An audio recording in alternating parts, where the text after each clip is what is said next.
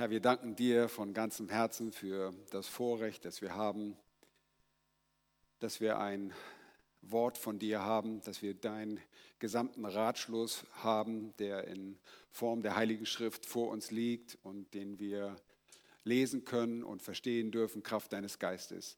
Danke, dass du dich darin geoffenbart hast und immer wieder neu offenbarst, weil wir nicht mit einem Mal all die wunderbaren Reichtümer verstehen können, sondern Schritt für Schritt uns davon auch nähren und daran festhalten, dieses zuverlässige Wort festhalten und dieses zuverlässige Wort auch weitergeben. Herr, hab Dank dafür, dass du sprichst und so wollen wir auch mit dieser Haltung in diesen Gottesdienst gehen, dass du sprichst, dass es mehr ist als nur eine Versammlung, sondern dass du, der lebendige Gott, immer noch redest. Das glauben wir durch dein wunderbares Wort.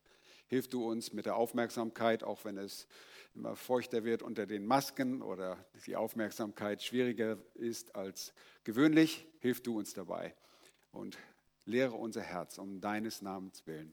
Amen.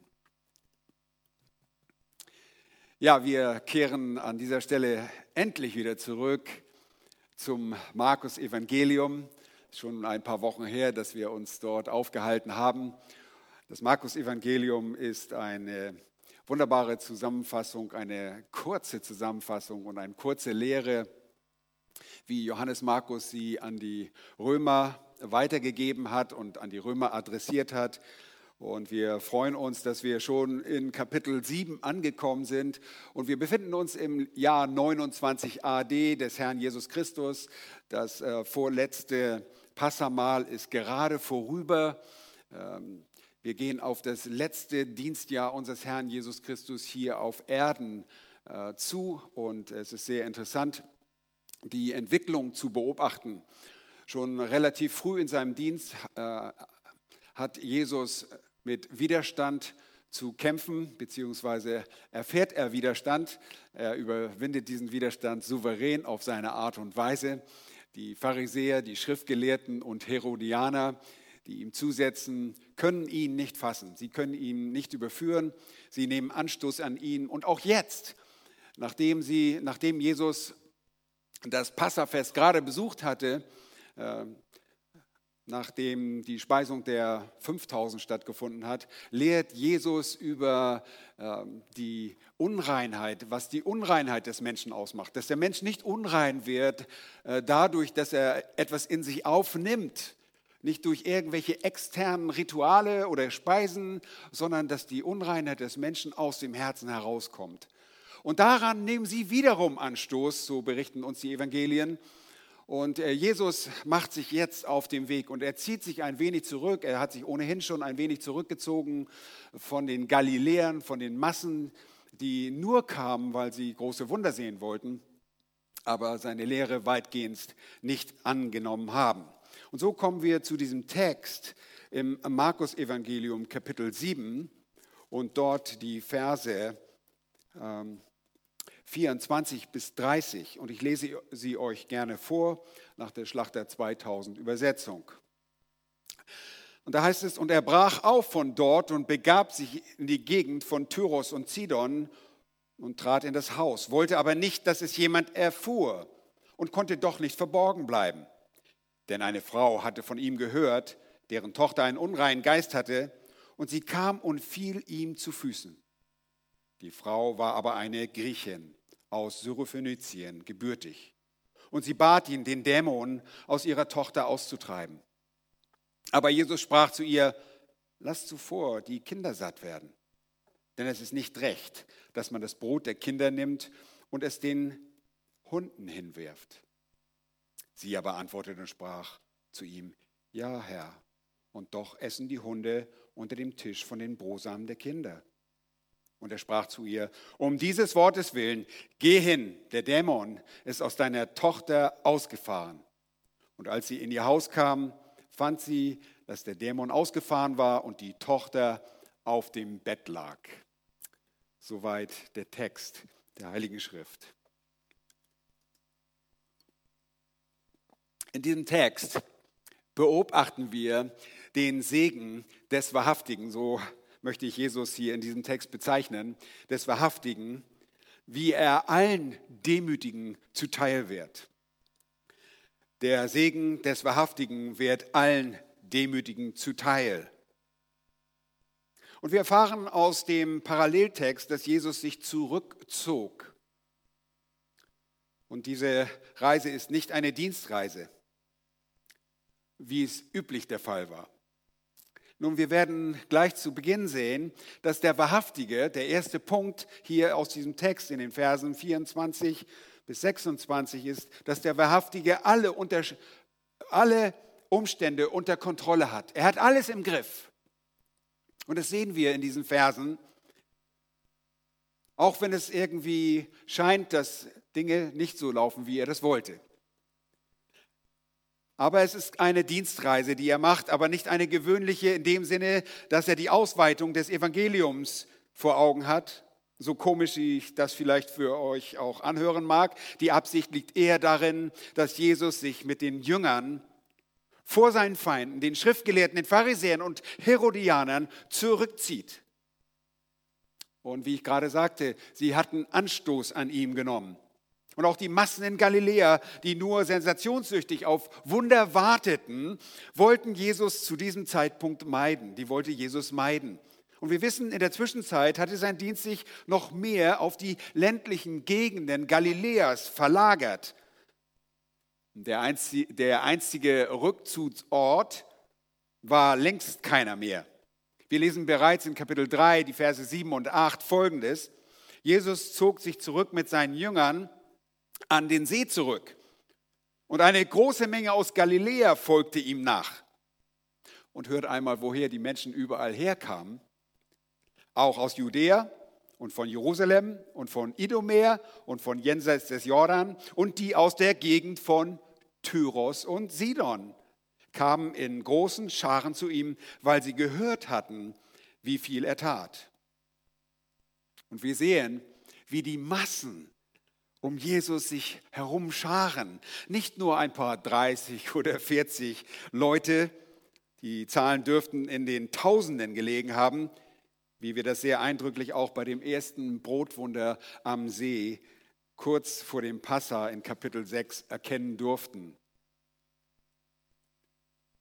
Nun, wir kennen, dass auch Menschen aus der Gegend von Tyros und Sidon von Jesus gehört hatten und Jesus gesehen hatten. Und sie nahmen diese Botschaft mit und verbreiteten das Wort Jesus von Jesus unter ihren Landsleuten. Nun, wir gucken in den Text, wir lesen in dem Text in Vers 24 und wir stellen fest, dass Jesus sich dort zurückzieht, das sagt uns der, das Matthäusevangelium, aber er wollte nicht, dass es jemand erfuhr und konnte doch nicht verborgen bleiben. Jesus konnte sehr wohl damit rechnen, dass man ihn in der Gegend von Tyros und Sidon kannte. Aber aus den Worten in Vers 24 geht deutlich hervor, dass ein öffentlicher Dienst nicht seine Absicht für diese Reise war. Da heißt es, und er brach auf von dort und begab sich in die Gegend von Tyros und Sidon und trat in ein Haus, wollte aber nicht, dass es jemand erfuhr und konnte doch nicht verborgen bleiben. Ha, dieses wollte aber nicht zeigt uns nicht die Unfähigkeit Jesu, sich zu verstecken an, sondern es geht hier vielmehr darum aufzuzeigen, dass Jesu primäre Absicht nicht ein privater, dass er die, primäre Dienst ein, ein privater Dienst war, seine primäre Absicht vielmehr. Er ist durch den Ortswechsel nicht ohnmächtig geworden, nicht ohne Macht, als hätte er sich nicht verstecken können. Das ist nicht der Fall. Er blieb der treue und wahrhaftige Sohn Gottes, der auch weiterhin sein eigene Zielen erreicht, auf seine Art und Weise, nach seinem Zeitplan und nach göttlichem Navigations, äh, auf der Naviga nach einer göttlichen Navigation. Er konnte nicht verborgen bleiben, weil eine Frau von ihm gehört hatte. Was ist das für eine Frau? Ihre Herkunft ist eine heidnische. Der Text sagt, die Frau aber war eine Griechin aus Syrophönizien gebürtig. Eine Griechin, die im Gebiet von Syrophönizien ihre Heimat hatte und dort geboren war. Und zu jener Zeit war das Küstengebiet der Phönizier, dieses Seevolk, das im Süden sogar noch bis zum Karmel, bis in das Sumpfgebiet südlich des Karmels sich ausdehnte, dieses Gebiet, bis nach Dor hin, äh, stand unter syrischer Verwaltung. Die Syrer beziehungsweise die Römer, die, die Syrer, äh, in, Syrer, in Syrien waren, waren schon eine ganze Weile die äh, kontrollierende Macht dort, weil die Römer dort einen Statthalter eingesetzt hatten, um so die Levante, also den ganzen vorderen Orient, zu stärken. Und sie hatten wirklich Interesse daran, dass die Staaten in der Levante stark waren, um so einen militärischen Puffer zu bilden gegen die sogenannten äh, oder gegen die bedrohlichen Pater im Osten. Und damit die Staaten aber nicht vom römischen Reich abtrünnig würden, setzten sie ihnen wohlgesonnene Statthalter ein. In Palästina, wie ihr wisst, sogar Herodes als einen Versallenkönig. Nun, es ist nicht ungewöhnlich hier Griechisch sprechende oder solche, die in Griechenland geboren waren, zu finden. Und diese Griechin war in Syrophönizien geboren. Syrophönizien oder Phönizien gehörte lange zu den Ptolemäern und wurde dann aber von den Seleukiden aus dem Norden besiegt. Beide Seiten, die Ptolemäer und die Seleukiden, waren Nachfolger Alexander des Großen.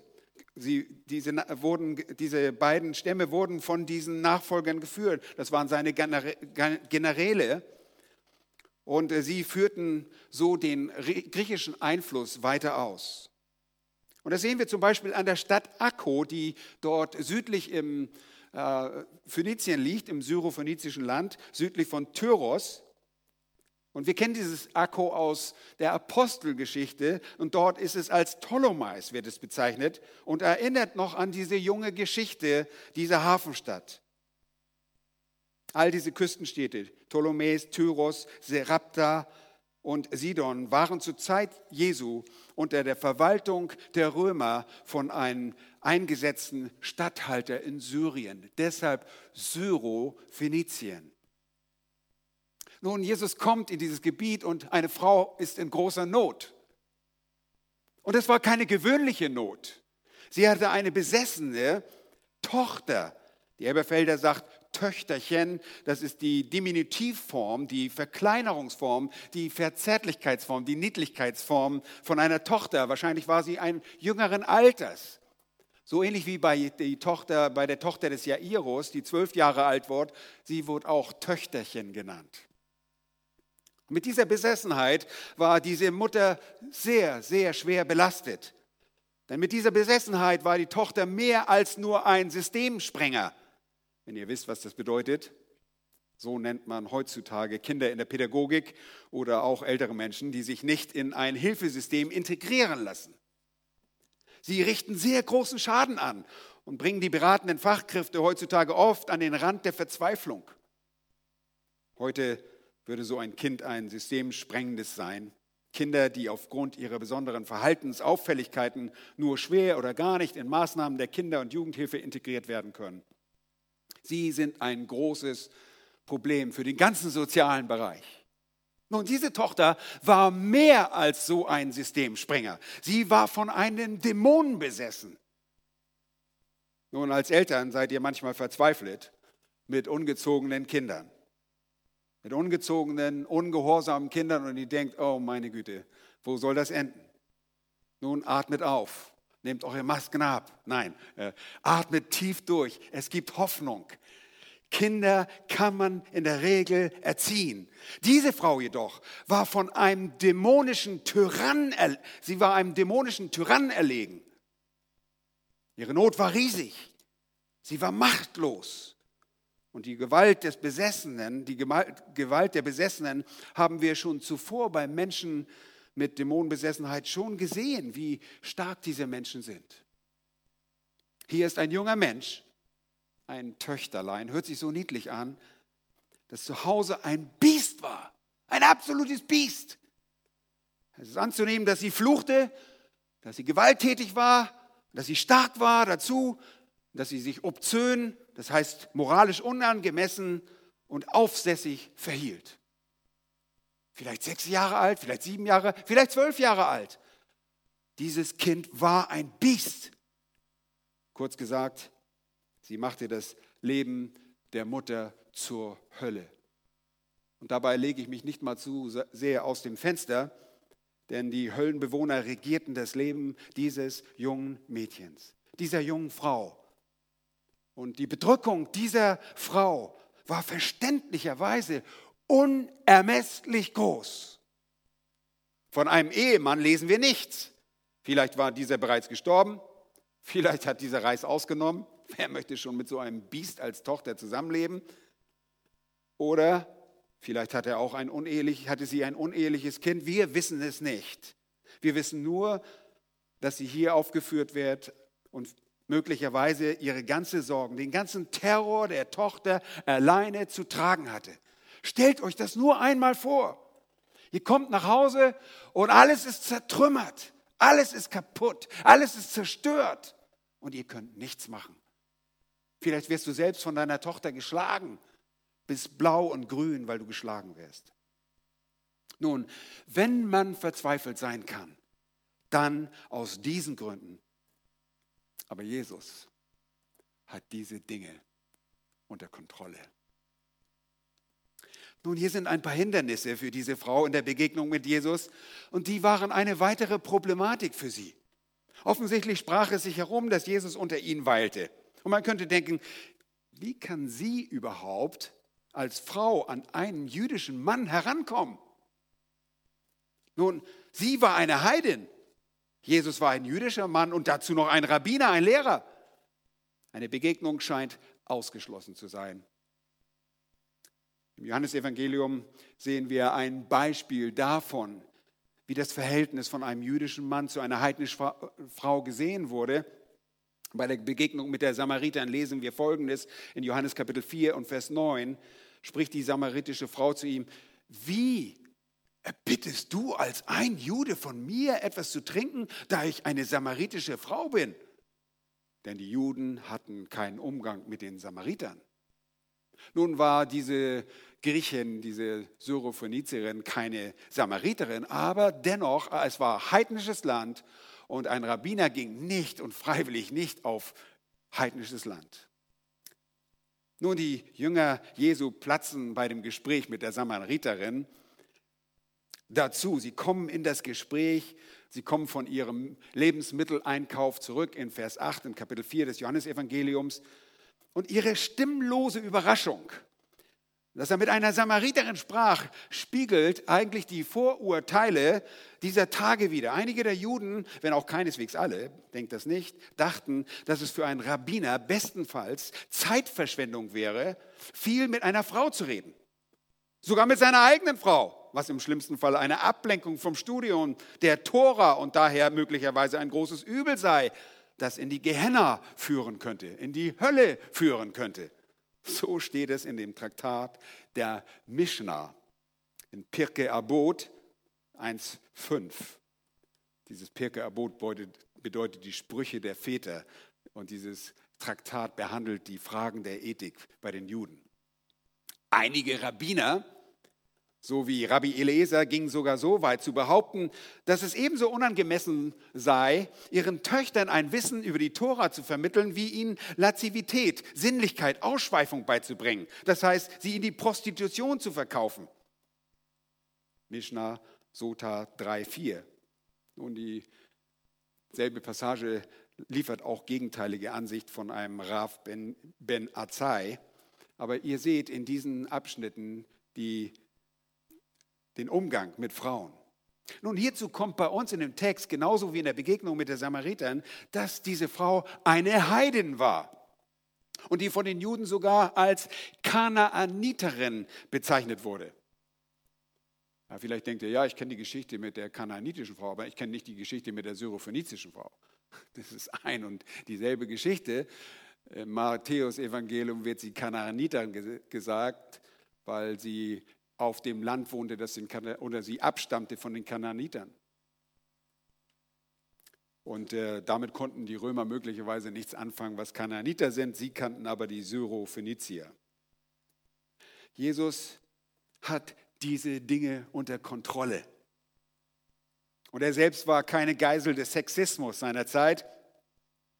Und was die Frau von Jesus gehört hatte, ließ sie in großer Zuversicht auf den Messias zugehen.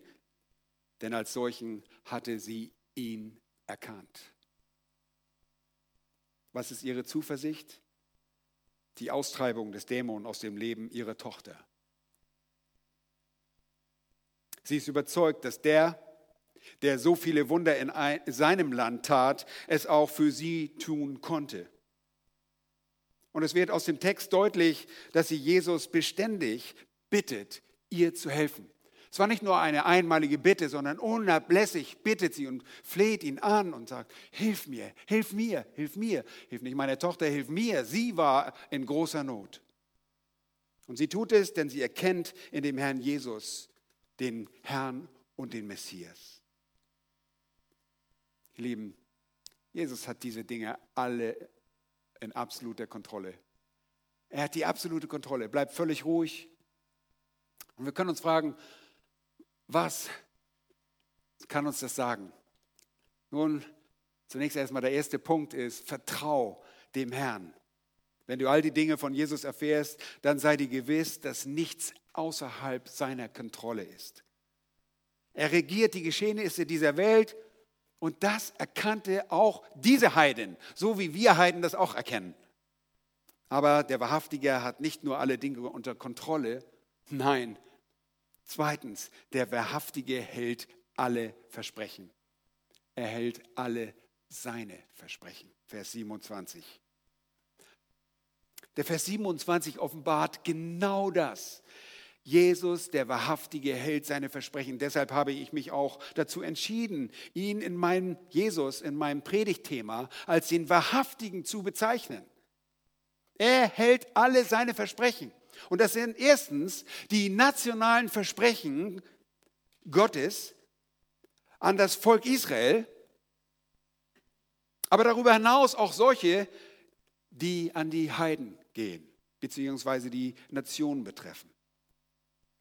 In Galater Kapitel 3, Vers 8 schreibt Paulus von den an Abraham gegebenen Verheißungen und sagt, da es nun die Schrift voraussah, dass Gott die Heiden aus Glauben rechtfertigen würden, hat sie, das ist die Schrift, dem Abraham voraus das Evangelium verkündigt und gesagt, was? In dir sollen alle Völker gesegnet werden. Das ist eins seiner Versprechen. Das ist das Versprechen Jahwes. Und Jahwe ist, Jesus ist Jahwe. Der Segen des Abraham, der Abraham verheißen wurde, versprochen wurde, erfüllt Jahwe Gott nicht nur an den physischen Nachkommen Abrahams, nein, sondern darüber hinaus auch an den Heiden. Und dabei empfangen nicht einmal alle physischen Nachkommen Abrahams diesen Segen, nein, der Segen gilt all denen, die im Glauben stehen.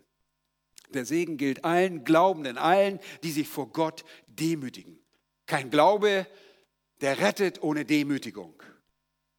Und der Segen sollte durch den Samen Abrahams, durch den einen, nämlich den Herrn Jesus Christus, dem einen, der jetzt auf dem Weg zum Kreuz war, er, der Herr, sollte und brachte das Heil, sodass jeder, der an ihn glauben würde, wie die Schrift es sagt, gerettet sein würde. Lieben, darin bestand der Segen.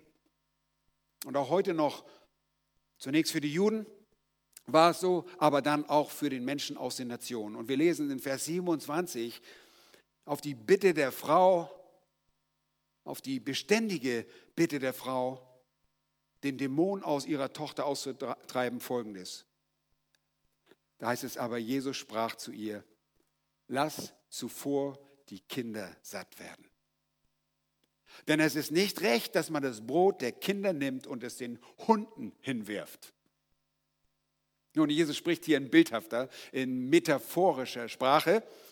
Und in dieser Metapher wird von Kindern gesprochen und von deren Brot. Ferner finden sich in dieser Bildsprache auch Hunde wieder. Nun, was hat das zu bedeuten? Und wir erinnern uns, Jesus ist im, auf heidnischen Territorium, auf heidnischem Gebiet ein Gebiet, das vor allem jüdische Rabbiner überhaupt nicht gerne betraten. Das war unrein und freiwillig hätten sie das nicht gerne betreten wollen. Jesus, wie wir anfänglich schon festgestellt haben, geht nicht in diese Gegend, um dort seinen bisherigen Verkündigungsdienst fortzusetzen. Nein, Matthäus sagt, er zog sich zurück, um mit seinen Jüngern eine Auszeit zu nehmen, mit ihnen allein zu sein, um sie auch bewusst von seinen Feinden zurückzuziehen, die zuletzt wieder Anstoß an seinen Worten genommen hatten. Aber Jesus musste ihnen auch eine Lektion, Lektion beibringen, dass er, der Wahrhaftige, allen Glaubenden Segen zukommen lassen würde, egal was ihre Herkunft auch sein sollte. Und sie sollten sehen, dass wo das eigene Volk ihn ablehnte, die Heiden bereitwilliger waren. Diese Lektion war mit Sicherheit Jesu Absicht, auch wenn wir dabei den Eindruck erhalten, dass Jesus dabei überrascht wird.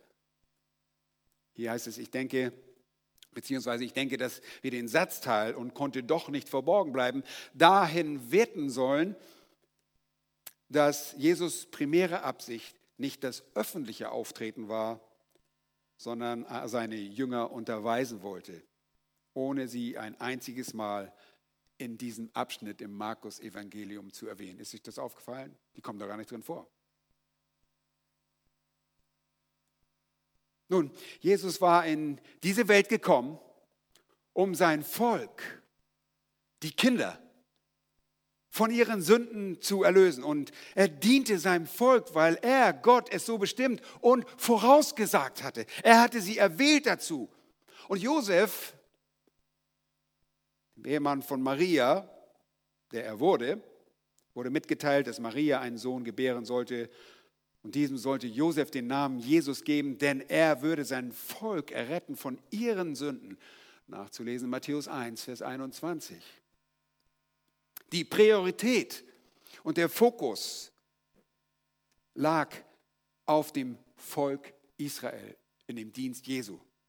Und bei der Sendung seiner Jünger, wie wir schon gesehen haben, Kapitel 6, so erfahren wir auch aus Matthäus 10, dem Paralleltext, Verse 5 und 6, gab Jesus einen Befehl, der auf diese Priorität des Dienstes am Volk deutlich hinweist.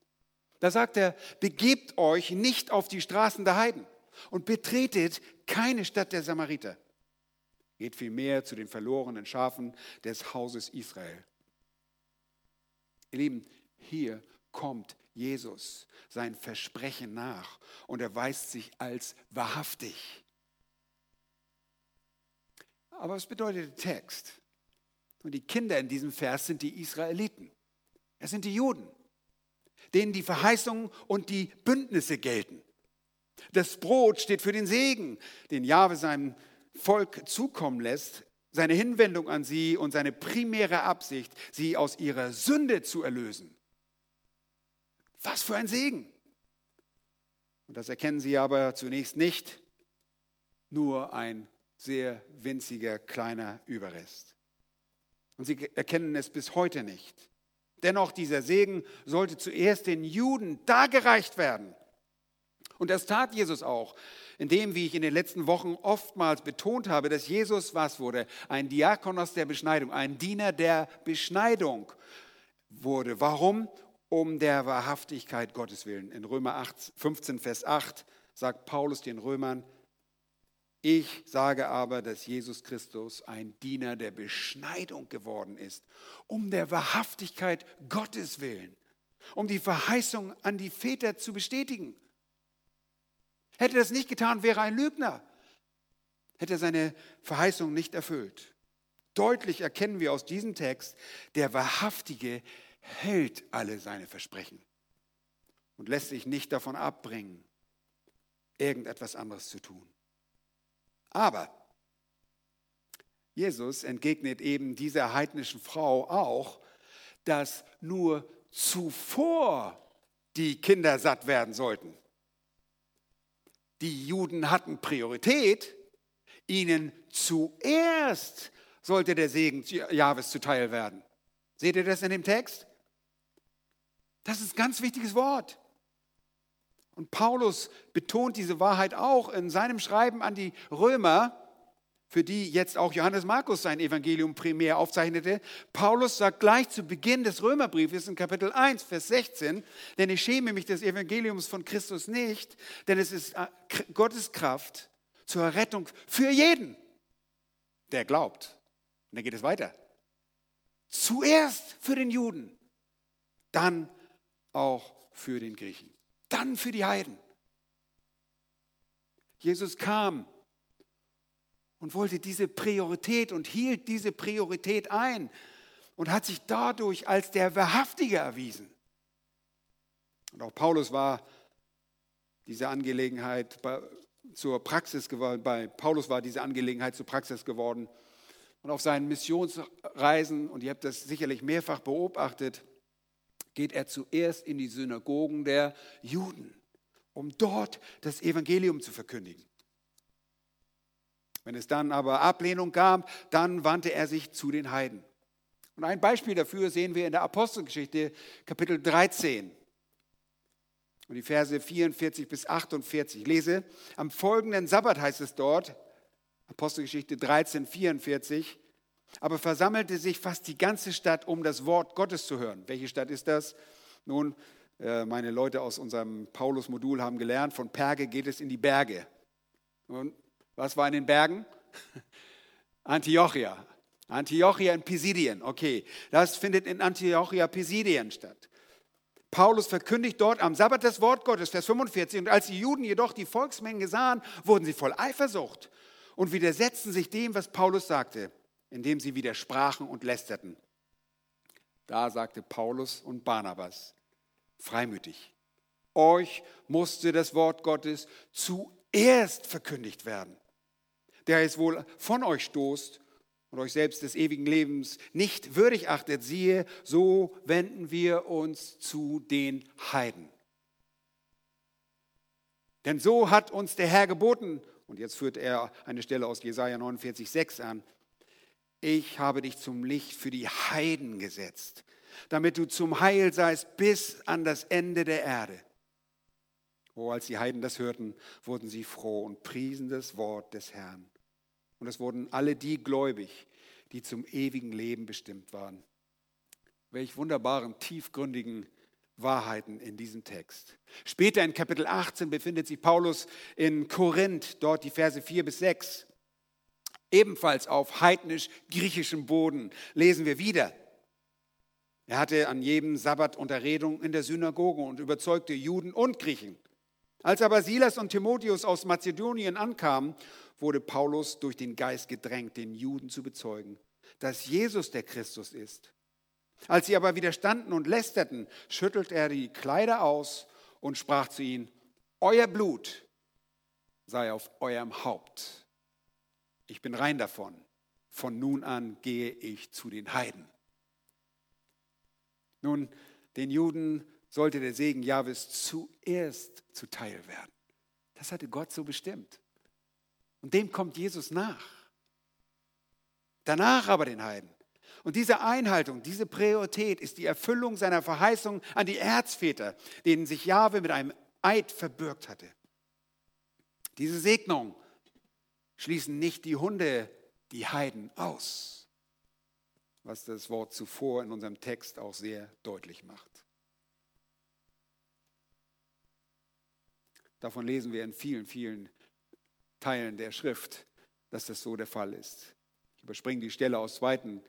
Äh, Kapitel, Epheser Kapitel 2, wo Paulus das auch ganz deutlich macht, dass die, die eins fern waren, jetzt nahegebracht sind, die Heiden, die eins fern waren, jetzt nahegebracht sind durch sein Erlösungswerk. Und was können wir daraus lernen? Jesus ist zuverlässig. Er hält sein Wort und du kannst dich auf die Zusagen Gottes genauso verlassen. Sei dir seiner Obhut im Glauben stets bewusst. Er erfüllt alle seine Versprechungen. Egal wie du dich fühlst, wenn du dich demütigst, wird er dir sogar helfen. Das ist der dritte Punkt. Der Wahrhaftige hilft allen Demütigen. Das sind die Verse 25, 28 bis 30. Da lesen wir Vers 28. Sie aber antwortete und sprach zu ihm, ja Herr, doch essen die Hunde unter dem Tisch von den Brosamen der Kinder. Und er sprach zu ihr, um dieses Wortes willen, geh hin, der Dämon ist aus deiner Tochter ausgefahren. Und als sie in ihr Haus kam, fand sie, dass der Dämon ausgefahren war und die Tochter auf dem Bett lag. Lieben, es ist wirklich bewundernswert, wie sich diese Frau von Anbeginn Jesus gegenüber verhält. Sie wendet sich nicht nur einfach an Jesus, sondern schaut noch einmal mit mir in die Verse 25. Sie kam und fiel ihm zu Füßen. Ihr Lieben, das ist die richtige Haltung dem Sohn Gottes, dem Gesalbten gegenüber. Und das ist nicht nur eine äußerliche Gebärde, wie uns der Text zeigt. Es ist nicht nur ein äußerliches Ritual, sondern sie vertraut. Sie stützt sich auf Jesus. Und schaut bitte jetzt genau hin, wie sie auf das Reden Jesu reagiert. Na, was sagt er gerade noch? Er redet gerade von Hunden. Und sie weiß das sehr genau, was das bedeutet. Sie aber antwortet, Vers 28, und sprach zu ihm, ja Herr. Stopp erstmal da. Ein Moment, hat sie irgendwie nicht begriffen, mit welchen Worten Jesus sie hier gerade bezeichnet und verglichen hat? Ein Hündlein? Nun, Hunde waren nicht gerade Schoßhündchen. Sie waren in der Regel dreckige Straßenköter, fette Hunde, korpulente Köter, äh, verlaust. Und äh, das war kein schöner Vergleich. Auch wenn hier das Wort für einen kleinen Hund gebraucht wird. Und äh, es gibt einige Ausleger, die auch sagen, dass in dieser Zeit die Römer anfingen, die Hunde zu domestizieren. Aber sie waren nicht diese Kuschelhunde, wie wir sie heute kennen. Es war eher eine abwertende Ausdrucksweise. Ich meine, machst du Witze? Bitte mehr Respekt, Herr Lehrer. Wenn du mich ein Hund wie ein Hund behandelst, dann kannst du wieder gehen, würden die Berliner sagen. Nein, Jesus spricht für sie nicht diffamierend. Im Gegenteil, sie erkennt seine Worte an. Und sie stimmt dem zu, was der Meister zu ihr sagt. Sie sagt, ja, Herr. Die von ihr folgenden Worte sind nicht widerwillig dargebracht. Es sind nicht einsprucherhebende Widerworte. Sie ist weder beleidigt noch eingeschnappt, sie wendet sich nicht mürrisch ab, noch bezeichnet sie den Herrn als irgendeinen Frauenhasser oder fremdenfeindlich, sondern sie versteht offensichtlich die Worte des Herrn schnell und richtig. Sie glaubt und sie ergänzt. Und sie ergänzt richtig. Ihr ganzes Verhalten zeigt von Anbeginn eine tiefe Demut, eine innere Unterwerfung, bei der sie ihre Stellung vor Gott, der jetzt vor ihr steht, akzeptiert. Sie glaubt diesem Mann, diesem Lehrer aus Galiläa und erkennt in ihm den Gesalbten Gottes. Das, was die privilegierten Israeliten nicht fasten. Das konnte sie, die Heiden, Heiden, fassen und demütig annehmen. Das war eine richtige Klatsche für die religiösen Leiter. Mit Demut wird dir diese Gunst, dieser Segen Gottes zuteil. Er sagte, ja Herr, und doch essen die Hunde unter dem Tisch von den Brosamen der Kinder. Das war nicht eine aufmüpfige Reaktion und Antwort dieser Frau. Die Menge drückt das meines Erachtens etwas unglücklich aus. Sie schreibt, sie aber gab ihm die Antwort, oh doch, Herr. Ja, so kann man das betonen. Und doch, Herr, auch die Hündlein bekommen ja unter dem Tisch. So könnte man das, ist eine Frage der Betonung.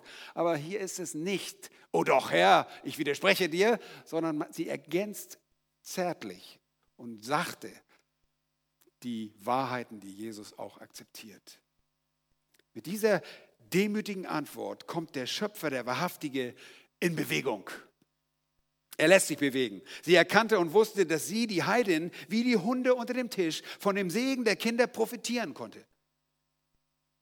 Der Segen, der den Kindern, den Juden zuteil werden sollte, der auch den Hunden, sollte auch den Hunden zuteil werden. Oh, welche tiefe Einsicht diese syrophönizische Frau bereits hatte. Meine, sie hatte eine ganz andere Religion. Sie wuchs nicht im Judentum auf. Sie hörte nicht die Geschichten des Alten Testaments. Sie war vielleicht eine Gläubige der Astarte. Sie, sie hatte vielleicht irgendwelche Götzen angebetet. Aber jetzt begreift sie, der Herr Jesus war gekommen, um den Verheißungen der Väter, den Prophetien des Alten Testaments, der Heiligen gerecht zu werden, an die Heiligen. Und das beinhaltete auch, dass er gekommen war, damit in ihm, in Christus, alle Nationen gesegnet werden sollten. Und dieser Segen kommt jetzt dieser Frau zugute in einem Gebiet, in dem schon zur alttestamentlichen Zeit der Segen Gottes auf die Witwe in Serepta zur Zeit des Propheten Elias kam. Genau an diesem Ort. Serepta liegt genau zwischen Tyros und Sidon im Norden. Wir lesen dort von der Gunst Gottes auch gegen Naaman, dem Syrer, das finden wir in Lukas Kapitel 4, die Verse 25 bis 27. Da lesen wir, in Wahrheit sage ich euch, viele Witwen waren in den Tagen Elias in Israel. Aber der Himmel, als der Himmel drei Jahre und sechs Monate verschlossen war, sodass eine Hungersnot über das ganze Land kam. Und zu keiner von ihnen wurde Elia gesandt, als nur nach Serepta im Gebiet von Sidon zu einer Frau, einer Witwe. Interessant, oder? Und viele Aussätzige waren zur Zeit der Propheten Elia, Elisas in Israel. Und keiner von ihnen wurde gereinigt als nur Naaman, der Syrer. Wie einst die Ausländer, so auch jetzt erfährt diese Heiden den Segen Gottes. Und nur ein kleiner Teil, ein winziger Überrest des Volkes der Juden nahm das Brot des Lebens an nur ein Überrest sättigte sich an den Segnungen des lebendigen Brotes. Und wie wir bereits gesehen haben, so führte die breite Ablehnung der Juden dazu, dass das Evangelium auch zu den Heiden getragen wurde. Jetzt wird sie die Empfängerin des Segens. Und der Ausgang dieser Geschichte ist einfach nur schön. Verse 29 und 30. Und er sprach zu ihr, um dieses Wortes willen. Geh hin. Der Dämon ist aus deiner Tochter ausgefahren. Und als sie in ihr Haus kam, fand sie, dass der Dämon ausgefahren war und die Tochter auf dem Bett lag. Wir erleben hier einen Fernexorzismus, eine Austreibung über die Distanz, die einzige im Buch des Markus. Jesus ehrte den Glauben und die Demut dieser Frau. Ich meine, gehen euch diese Dinge nicht unter die Haut? Ich glaube, wir versetzen uns zu wenig in die Situation dieser Menschen, die oft betroffen sind und im schweren Leid sich befinden. Könnt ihr euch das vorstellen? Hier ist diese verzweifelte Heidin in aussichtsloser Lage mit einer tyrannischen, nicht kontrollierbaren Tochter, die alles zerstört um sie herum, die ein Dämon in sich hat. Und der Herr schenkt ihr die Gnade. Hier ist diese verzweifelte Heiden, Heidin und der Herr Jesus schenkt ihr rettenden Glauben und die eigene Tochter zurück. Die Wahrheit hatte sie geistlich und die Tochter dazu physisch von der Gegenwart finsterer Mächte und Satan befreit. Welch wunderbare Realität und Wahrheit. Und es ist wunderbar, wie der Herr Jesus nicht nur dieser Frau mit der Heilung ihrer Tochter dient, sondern dass diese Frau auch den Messias erkennen darf. In dem Paralleltext, den ich euch bisher weitgehend und bewusst vorenthalten habe, weil ich gerade Markus predige, geht hervor, dass es vier Stufen in der Reaktion auf Jesu Worte gab. Es gab äh, beziehungsweise vier Reaktionen Jesu auf die Worte der Frau. Ich möchte euch mal zeigen, vielleicht schlagt ihr da einmal kurz auf, der Paralleltext in Matthäus Kapitel 15, ab Vers 21. Wir sehen in dass Jesus sich zurückgezogen hat in diese Gegend. Da wird uns auch klar, dass es ein Rückzug ist. Und Vers 22 sehen wir diese kananäische Frau aus jener Gegend. Und sie rief und sprach, erbarme dich. Sie ruft nach Erbarmen. Und sie sagt, erbarme dich über mich, Herr. Und sie nennt ihn Herr. Und dann nennt sie ihn, du Sohn Davids. Das ist ein messianischer Titel. Das haben nicht mal das haben nicht die Israeliten erkannt. Das haben nur die Blinden in Jericho gesehen. Die Blinden, die haben das gesehen, weil sie offene geistliche Herzen hatten. Meine Tochter ist schlimm besessen. Die erste Stufe ist, wisst ihr, was Jesus macht? Er antwortet dieser Frau nicht mal. Kein Wort. Die Frau muss sich vorgekommen, ich spreche gegen die Wand. Jesus antwortet nicht. Schaut in Vers 23. Er aber antwortet ihr nicht ein Wort. Und die Frau ist dabei und bittet und bittet und fällt nieder und, und ist ständig, das geht aus dieser Grammatik auch hervor, ist ständig am Bitten und am Flehen. Die Jünger sagen einfach nur, und jetzt sehen wir, dass auch die Jünger dabei sind, fertige sie ab, denn sie schreit uns nach. Gib ihr, was sie will. Mach, mach das, was sie will. Dann haben wir sie los. Ja? Das war die erste Stufe. Jesus sagt nichts. Die zweite Stufe, Vers 24, er antwortete und sprach, ich bin nur gesandt zu den verlorenen Schafen des Hauses Israels. Ich meine, das, das ist die zweite Klatsche. Hier kommt eine Frau, sie, sie bittet um Erbarm. Jesus tut nichts. Und jetzt antwortet er, nein, nein, ich bin nur gekommen zu dem Haus, zu den Verlorenen des Hauses Israels. Da kommt sie nieder und sprach, hilf mir.